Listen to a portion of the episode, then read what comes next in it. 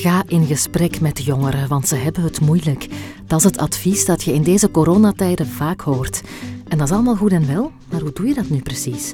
Hoe pak je zo'n gesprek aan en waar moet je op letten om er een goed gesprek van te maken?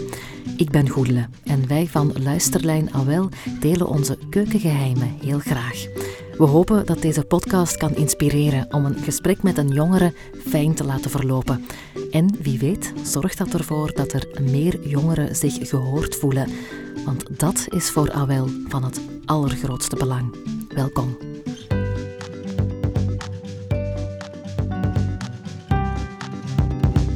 Luister, de podcast van AWEL. In deze aflevering staan we stil bij het begrip empowerment. Een houding waar we bij AWEL erg in geloven. We bekijken ook wat erkenning geven is, waarom dat waardevol is en hoe je dat best aanpakt. En in deze laatste aflevering mogen we ook een grote mevrouw met een warm hart voor jongeren aan het woord laten. Presentatrice Cathy Lindekens vertelt waarom zij altijd zo graag in gesprek is gegaan met jongeren en nog steeds gaat. Empowerment. Bij AWEL proberen we empowerend in gesprek te gaan met kinderen en jongeren. Dat betekent dat we geloven in de kracht die jongeren zelf hebben en dat we respect hebben voor hun unieke mogelijkheden. Empowerment houdt ook in dat je het als volwassene niet overneemt en dat je niet met kant-en-klare oplossingen komt. Laat de jongere zelf zoeken hoe hij of zij het wil aanpakken, wat een mogelijke volgende stap kan zijn. En jij kan steun bieden door te helpen zoeken, vragen te stellen en door te geloven in de kracht van de jongeren. Als de jongere dan zelf verantwoordelijkheid opneemt en zelf keuzes maakt, dan versterkt dat zijn daadkracht, veerkracht en zelfredzaamheid. Als een jongere zelf niet kan zien waarin hij of zij krachtig is, dan kan het goed zijn om daar de aandacht op te richten of samen naar te zoeken, of om daar op zijn minst al oog voor te hebben. Zo zou het bijvoorbeeld kunnen dat je vindt dat een jongere heel dapper is geweest door in gesprek te gaan met jou, maar dat de jongere zelf niet in de gaten heeft hoe sterk dat wel is. Geef gerust een oprecht compliment hierover. En geef gerust nog een oprecht compliment over iets waar de jongere krachtig en dapper in is. Oprechte complimenten kunnen echt versterkend werken. Een andere manier om de krachten van de jongeren te verkennen en onder de aandacht te brengen is het stellen van zogenaamde krachtgerichte vragen. Vragen die echt op zoek gaan naar waar de jongere sterk in is en wat dus zou kunnen helpen voor de toekomst. Je kan bijvoorbeeld vragen: wat helpt jou om je beter te voelen? Of hoe ben je erin geslaagd om het vol te houden? Of hoe heb je dat probleem tot nu toe aangepakt en wat heeft er gewerkt? Een krachtgerichte vraag kan hoop, optimisme en energie in een situatie brengen. Maar je focussen op de krachten van de jongeren werkt alleen als je eerst erkenning hebt gegeven voor de last op hun schouders. Als je meteen naar de krachten en de hoop gaat, dan ga je voorbij aan wat er moeilijk is en misschien nog wat tijd nodig heeft. Bij de techniek erkenning geven staan we dus heel graag ook even stil. Erkenning geven, hoe doen we dat nu?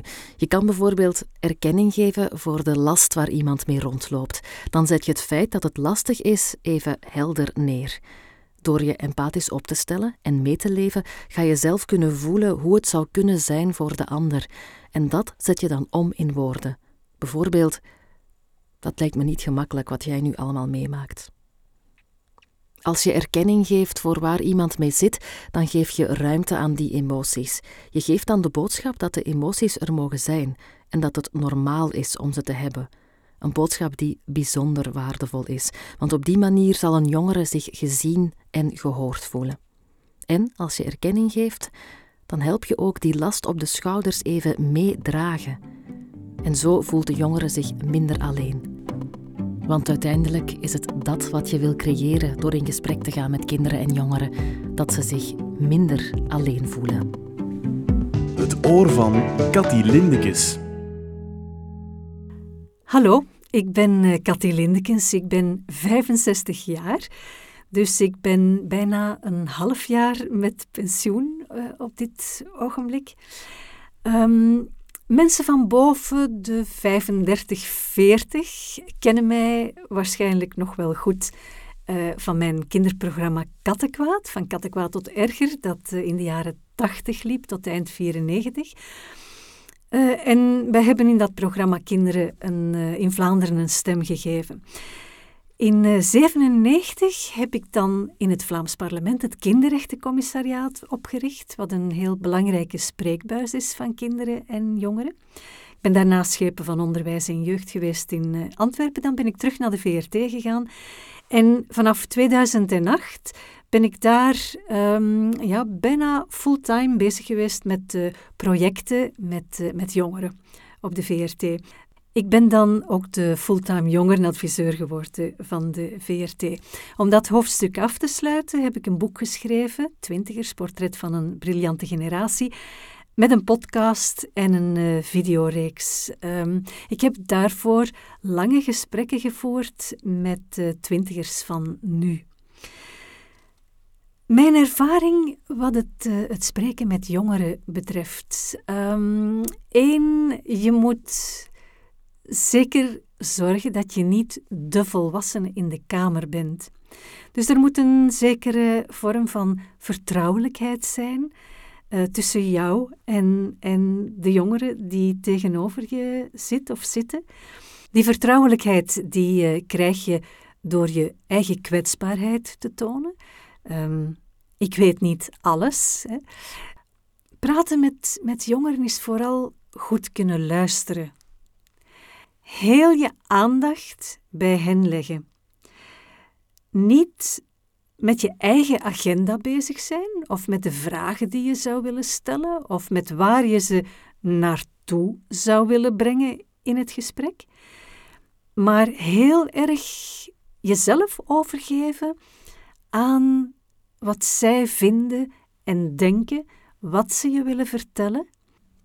Echt gewoon aan het handje van henzelf meelopen om in hun verhaal, in hun kijk op het leven, in het moment waar ze nu staan en wat ze je willen vertellen, om daarmee in te gaan. Dat is echt heel belangrijk.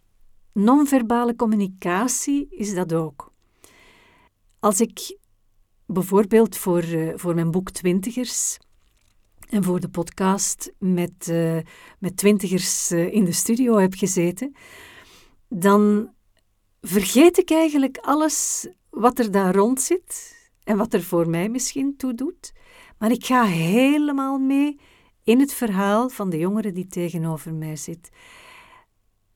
Knikken, in de ogen kijken is heel belangrijk.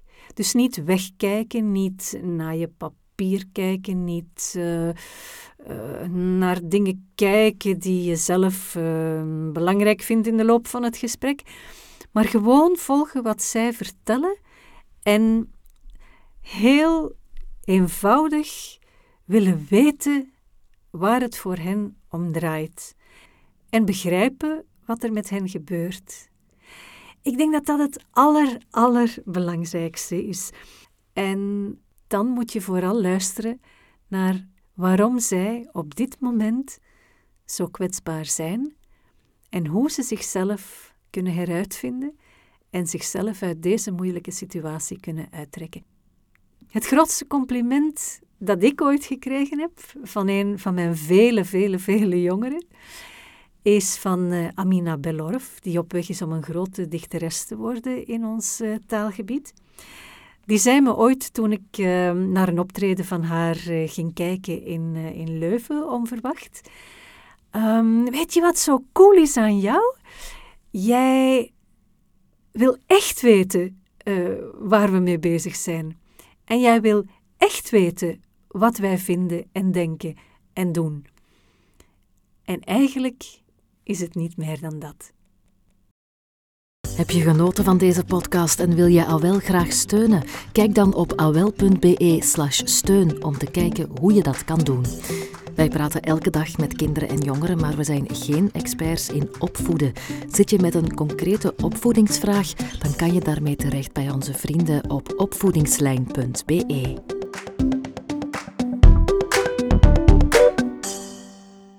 Deze podcast kwam er met steun van het Vlaams ministerie van Jeugd. thank you